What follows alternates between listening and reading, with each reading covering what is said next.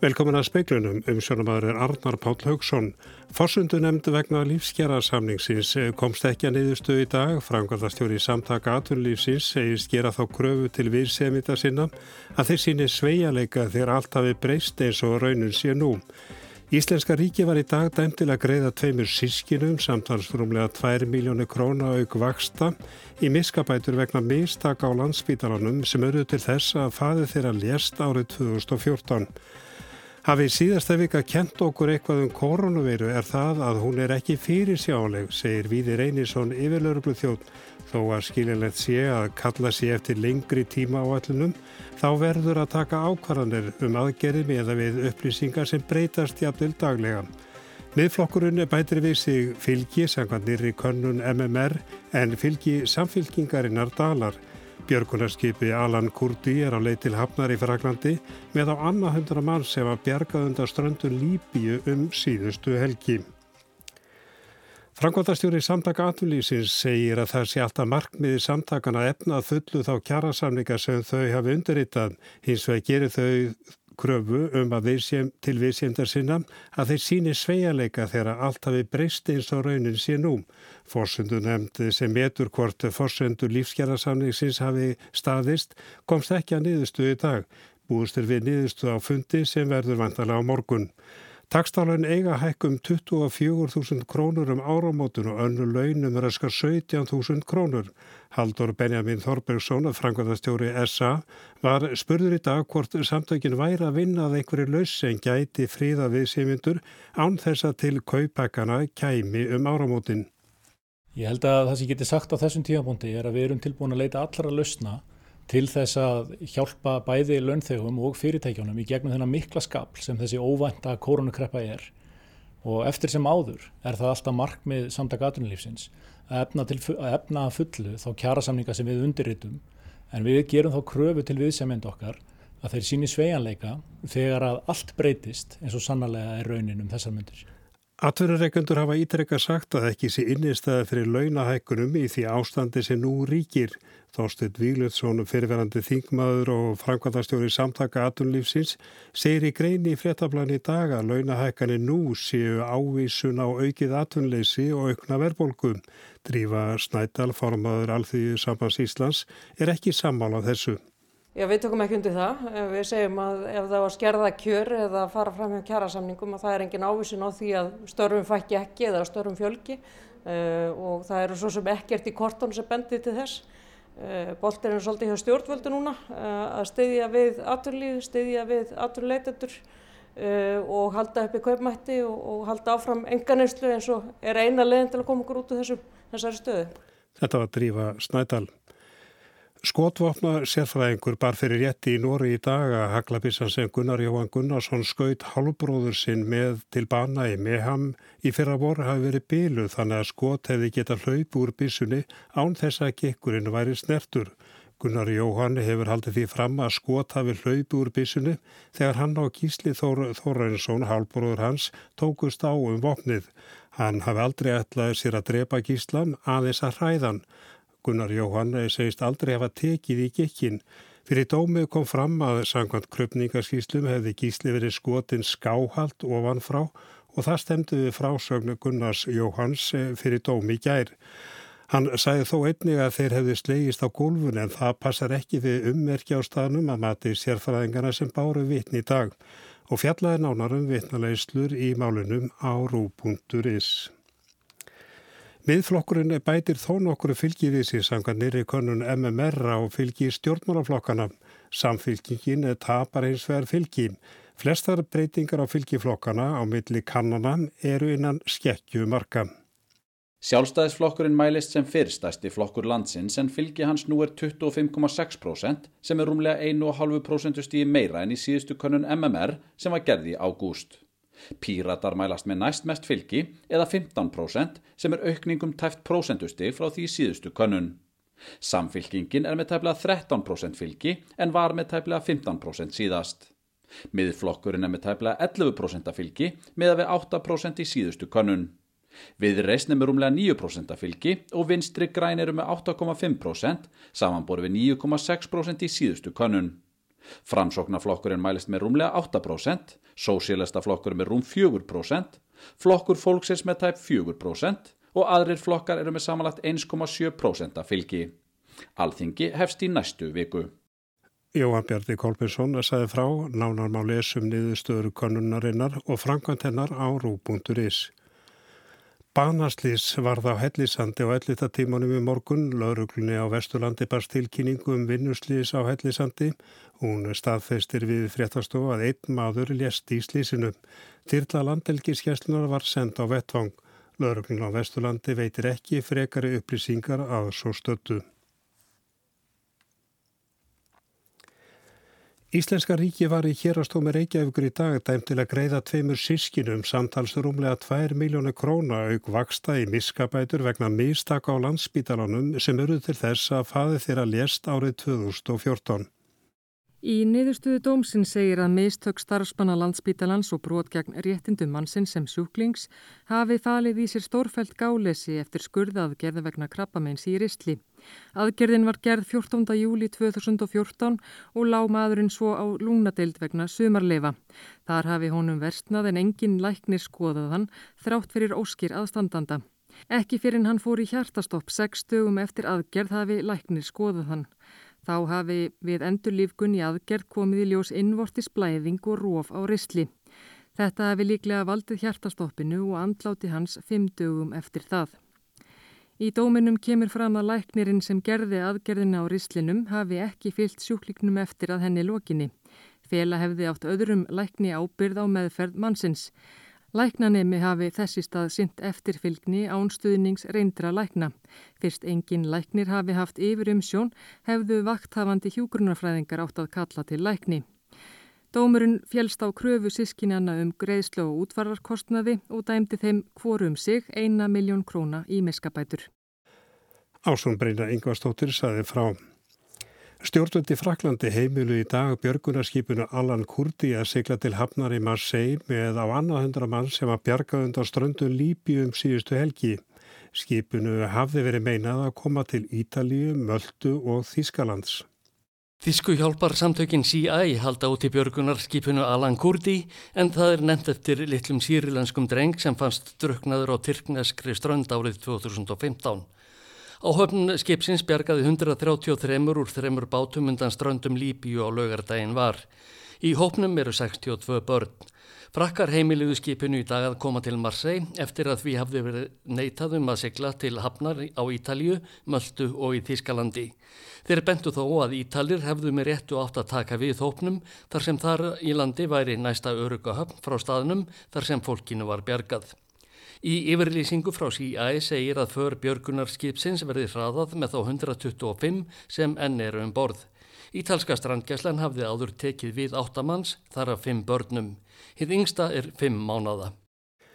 Ásker Tómasson saði frá. Á Kæru domstóli bandaríkjana fyrir ákveða ákjara lauruglumanni sem skaut Bríónu Taylor til bana fyrir tilumundurslausta hættuspil. Taylor var myrta á heimili sínu í Louisville í Kentucky-ríki 13. mars.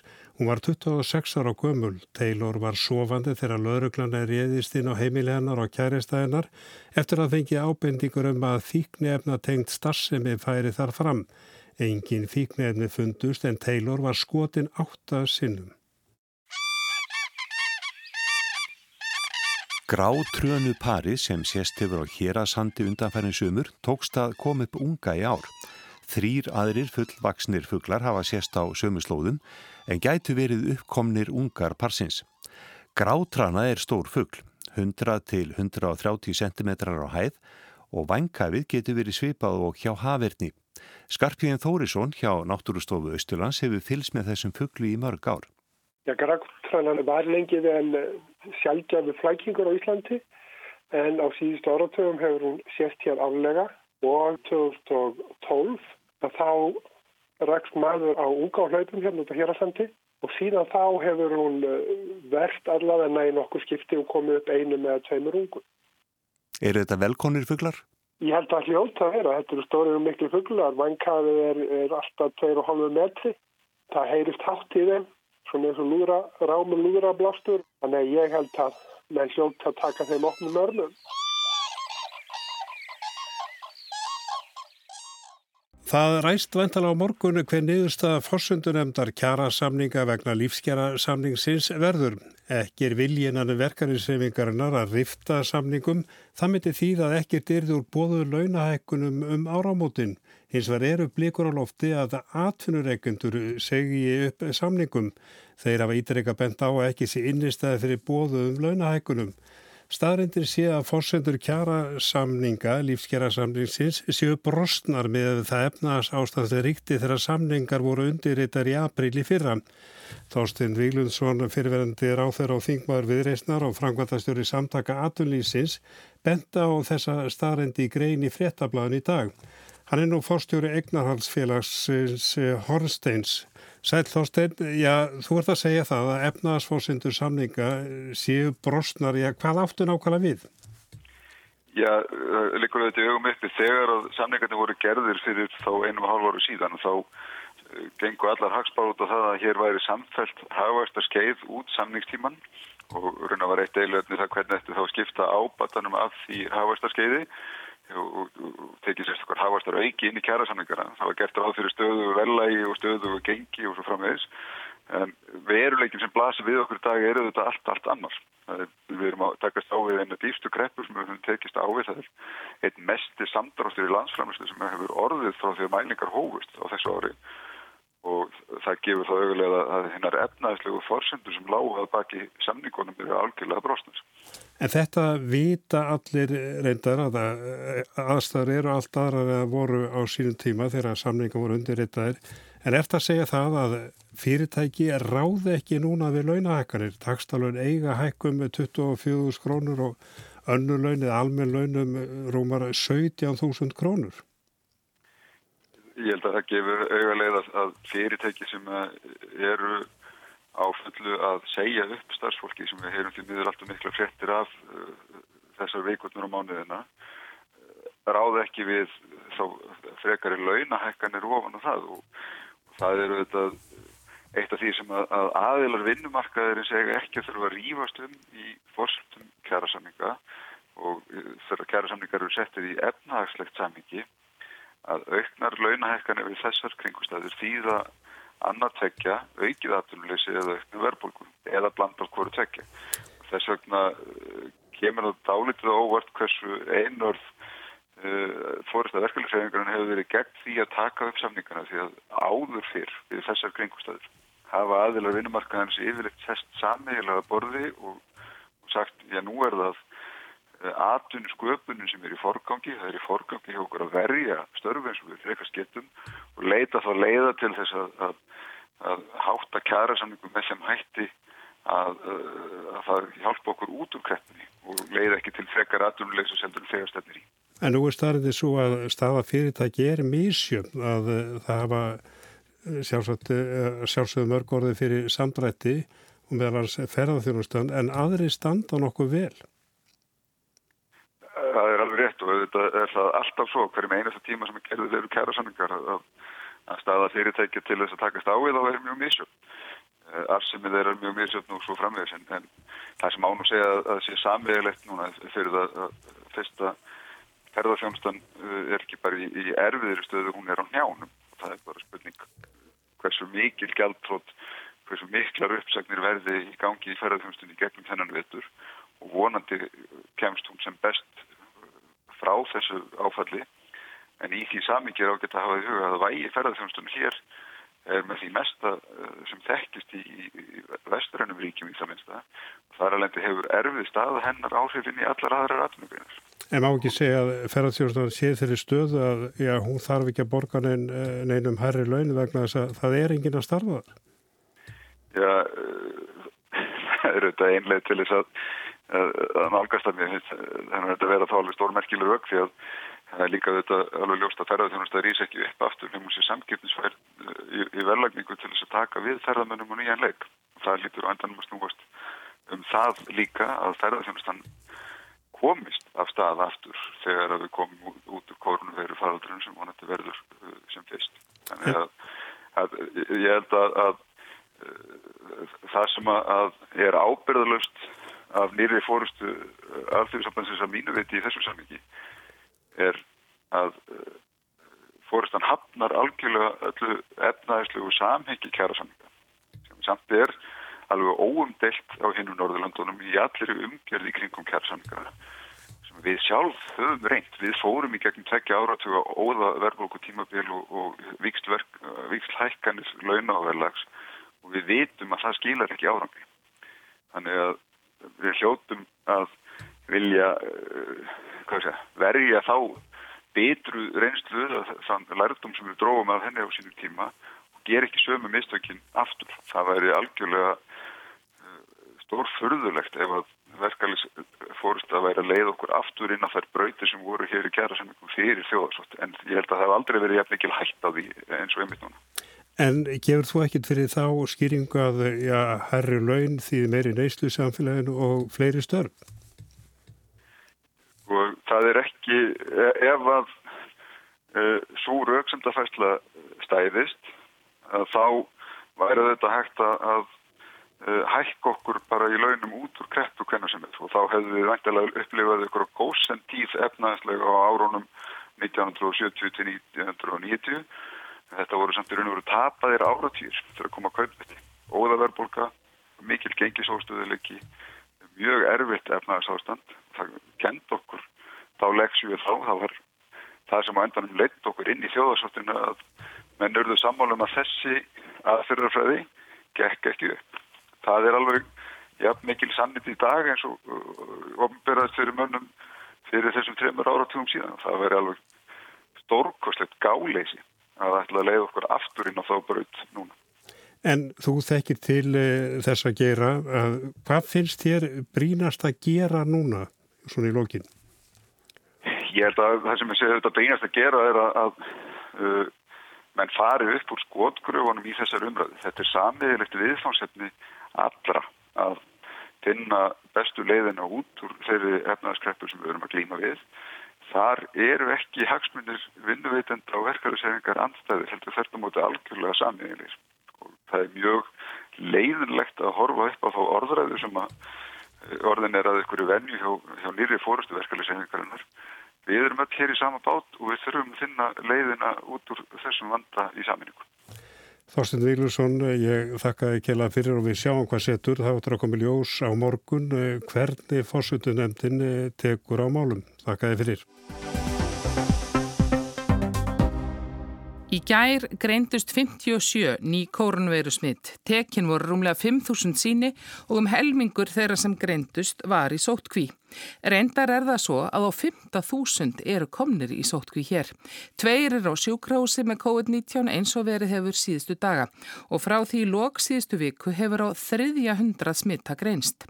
En þessi fjöldi smittar í gær kemur ekki óvart við Reynisson yfir lauruglu þjóttnjá almannavarnadeild ríkislauruglustjóra. Já, já, þetta er náttúrulega meðfjöldi sína sem var tekin í, í gær og, og þegar það settur út svona þéttir einar að netta þá máli búast við því að við finnum fleiri og, og það er í, eins kannski auðvast nú og það hljómar þá er það sjálf sér í ákvæmt í, í þessu, þessari vinnu við að ná utanum þetta. Og því fleiri sem við náum strax og, og komum í sótkví að því, því betra. Og þarna er þessu tilvildið um það byrja helmingurinn, rúmlega helmingurinn sem er, sem er í sótkví sem sem er líka í ákvæmt En, en þetta er eins og við höfum verið að segja, það er ekkert að fullir það neitt með þróunina uh, út frá svona einstakun dögum. Við erum að horfa á kannski 5-6 daga aftur í tíman og, og með það þannig og svo líka raunstana frá því voru það sem að fólk var að veikjast kannski 5-6 upp í 7 dögum eftir að, var, eftir að hérna, mæltist í ákvæmt eða fann fyrir fyrstu enginum. Þannig að við erum ekki ennþá búin að sjá álægið á heilbreyðiskerfið út úr þessari bylgu. Já, það er náttúrulega, hefur þó komið fram að það er ekki margir á sjúkrahúsi en þá sem betur fer. Nei, nei og vonandi, vonandi er það þannig að það verði, verði þannig bara áfram en, en, en hluti af svona okkar áhættum að þetta eru að horfa til fjölda þeirra sem að, sem að eru sem síktir á hverjum tíma og hvað eru búin að vera lengi með enginni og þá, þá fáum við svona einhverja hugmyndum hvað gæti beðu okkar varandi heilbríðiskerfið og þetta er náttúrulega verðið hansi hansi stór hópur sem er núna búin að greinast bara á, á innavitni viku. Og það eru líka náttúrulega mjög margir komnir í, í sótkví og sótkvíin hefur náttúrulega svona vissum, vissan hátt lamandi áhrif? Já, þetta hefur verið mikil áhrif að vera svona margir í sótku en við erum samt, samt hérna, uh, er þetta besta leiðin og, og við erum svona nálkostnið aðeins öðru sendur en gerðum í, í fyrstibyrginu þar sem við fórum í við svona ástand þá vorum við, voru við konin í miklu, miklu meiri takmarkanir á svona allir starfsmeir samfélagsins þannig að við teljum að með því að, að beita sótkvíni frekar stramt að þá síðan við að hafa áhrif á á minni hóp en, en með ströngum samkónuntakmarkunum. Þetta var náttúrulega vakið aðtikli núna að þetta var svona yngra fólk og svo hefur núna verið tölvöld mikið um sko, það hefur farið, þurft að fara í sótkví stóri hópar og skólar svona á yngri stegum líka. Eh, ætlið eitthvað að skoða það, þau mál sérstaklega? Þetta er auðvitað bara að vera að meta þetta allar upplýsingarnar og fara yfir þetta mörgu sinum á dag í sjálfu sér sko þannig að við erum, við erum alltaf að reyna að læra og, og læra um eitthvað nýtt á hverjum degi þannig að, að Við hefum aldrei hikað við það að breyta tilmælum eða breyta því sem við hefum sagt ef, við, ef þeirri likur staðfest ný þekking. Það hafa komið upp síkingar núna til dæmis út á, í Stikkishólmi og Akranissi það voru náttúrulega mjög erfitt tímabil fyrir vestan í vor þetta sínist þér stefna eitthvað svipað með það? Nei, það er aðeins gekkja í, í þessum gögnum vegna þess að gögnin okkar byrstast eftir lögheimili viðkomandi og við sjáum það þegar við erum að kanna betur þetta að það er í mörgum tilfellum til dæmis háskólanemar sem að búa í Reykjavík þá þeir hafi lögheimili sitt út á landi þannig að fjöldi tilfellin út á landi er í raunverulega læri heldur en, heldur en tölun að segja okkur þannig að, að því þetta er gagnagrunanir okkar tengja fólk við lögheimili sitt þá, þá skekkir þetta litið myndina. Er þetta áfram þó, þó ekki aldrei sé hægt að alhæfa frekar yngra fólk sem er að greinst? Já, meðalaldurinn í þessari bylgi er tölvöld larri heldur en hann hefur verið í, í, fyrri, í svona fyrri bylgjum. Að tala um það í gæri að það væri ekki enn ástæða til frekar aðgerðan eins og segir við erum stöðugt að metta þetta. Áttu vona að breytst eitthvað næstu dög? Já, sko, núverandi reglur og auðvilsing sem sett um aðgerð einanlands eh, rennur út á miðnat á sunnundaginn þannig að það þarf að koma ákvörðunum framhaldi og svo ákvörðunum í ferli og, og svona ef, ef maður horfir á tímalínuna þá gerir maður ráð fyrir því að að Ríkistöld muni fjallaðan um það á, á fundið sínum á fastundagin, mér finnst það nú líklegt. Hverja sem tilugurnar verða hvernig það er, þá farf eiginlega að byrta þær á, á fastundagin til þess að það takja öruglega gildi á, á sunnundagin, hvort sem að núverðandi ástandi verði bara framlengt eða hvort að koma einhverja nýja tilugur. Það er bara verið að reyna að býða með það fram á síðustu stundu að taka ákvarðanir, af því að eins og, eins og maður segir oft, við erum að læra fá nýjar upplýsingar á hverjum degi, þannig að því nær sem að við býðum með svona að gefa, hérna, taka ákvarðanir og komið til þúr að þá, þá verða þær nákvæmari og betri með við ástandið á hverju tíma. Fólk er alltaf, menn er alltaf að tala um það, sko fyrir sjáanleikinni, það er einmitt hann sem er ekki til staðar í þessu öll saman. Nei, nei, fyrir okkur sem erum að hrærast í þessu alla daga þá, þá kemur þetta pínu spánt fyrir sjónir að, að menn kall eftir því en auðvitað þú veist, þegar maður setur, setur, setur hérna, sjóna með annara upp á borðið þá skilur maður alveg að mann vilja auðvitað geta farið að undirbúa og skipulegja viðbörði eða eitthvað langt fram í tíman en, en ef síðustu, þessi síðustu vika er búin að kenna okkur einhvað þá er það að þessi veira er ekkert sérstaklega fyrirsjáðanlega. Saði Víði Reyninsson, Anna Kristín Jónsdóttir talaði við hann.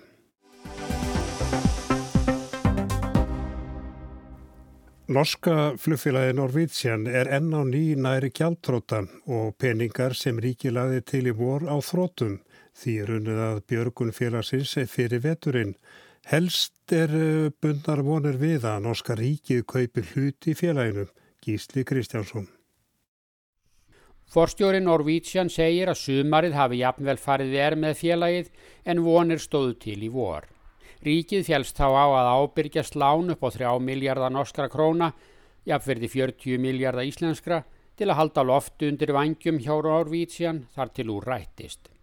En þessir peningar eru nú nær allir upp urnir eftir sumarvertíðina og við tekur vetur þar sem litla líkur eru á að fólk fá að fljúa til útlanda, nema í fyrsta lagi næsta vor, ef til yfir ekki heldur þá.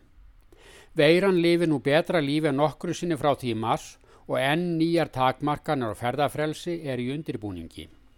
Hvis koronaen fortsatte gjennom sommeren og ut mot høsten, så kommer vi til å trenge mer. Så det er tydelig for alle. Vi sitter og... Jakob Skram, forstjóri Norvítsjan, segir við fjölmila núna að þetta hefur verið ljóst í vor ef koronasmitið heldi áfram í sumar og haust. Því sé unnið að nýjum björgunarpakka. Afgangurinn af peningunum frá ríkinni vor endist bara framundur jól. Einn besta tekjulind Norvítsjan hefur verið sala á helgarferðum til Stórborga, Evrópu, öll haust og fram að jólum. Þessi markaður er núna horfin og fólk leitar í staðin í fjallferðir innanlands. Flugfjæla græðir ekkert á ganguferðum. Stjórnendur Norvítsjan hafa átti að fundi með ráþörum núni í vikunni og útskýrt stöðum ála. Ekkert er hins vegar ákveðið um framtíðina. Ríkistjórnin hefur lagt fram nýjan pakka til stuðnings við atunilífið og það er á meðal stuðning við ferðaþjónustu. Það er fyrst og fremst hugsað til hótelrekstus innanlands. Mörg fyrirtæki hafa aflýst ráðstefnum og námstefnum í haust á hótelum um all land. Hótelin sem nutu þó nokkrar aðsóknar í sumar standa nú auð. Ríki lofar að bæta þeim upp alltaf 60% af veldu. En flugfélagin njóti ekki góðs af þessu. SAS, aðal keppinautur Norvítsjan, nýtur þess að vera hluta í eigu ríkisjóða í Danmörk og Svíþjóð og hefur fengið stuðning þaðan. Auk þess er Wallenberg fjölskyldan sænska stór eigandi og getur lagt fram fjö. Norvítsjan á engan slíkan bakhjarl og var stór skuldugt og í endurskipulagningu þegar koronaveiran setti allt úr skorðum í mars. Núna likur fyrir að félagið á sér ekki lífsvon nema ríkið leggji fram fjö með einu með öðrum hætti. Reglur banna að lífeyrissjóður tryggingastofnunar ríkisins kaupi hlut. Sjóðurinn má aldrei eiga meirinn 15% í fjela í kaupöllinni. Nú tegar horfir til vandræða vegna þess að lífeyrissjóðurinn á of mikið af innlendu hlutafjö. Um oljusjóðurinn er ekki að ræða því hann má ekki eiga í innlendum fjölugum. Sjálfstæði fjárfestar halda sér höndum og hafa ekki trú á fyrirtækinu. Helstu lánardrottnar og flugvélaleigur eiga nú tegar mest allt hlutafjöð og þá er ríkisjóður einn eftir. Ríkisjóður getur ekki lánað félaginu peninga vegna þess að skuldastaða þess er nú þegar næri gjaldþróti. Ríkið verður því með einum öðrum hætti að eignast hlut ef Björgun Norvísjan á að hefnast. Og það er umdilt. Í fyrsta lagi er anstaðið að ríkið haldi áfram að leggja fram fér. Nú þegar virðast fyrstu þrýr miljardarni tapaðir og ekki vitað hvenar þessari þrautagöngu líkur. Fyrsti björgunarpakki ríkisins kallar á þann næsta og svo þar næsta. Þannig koll af kolli. Á móti er bent á að hverfi Norvítsjan af markaði nær SAS einokunarstöð og ný eins og var í upphafi þessar aldar.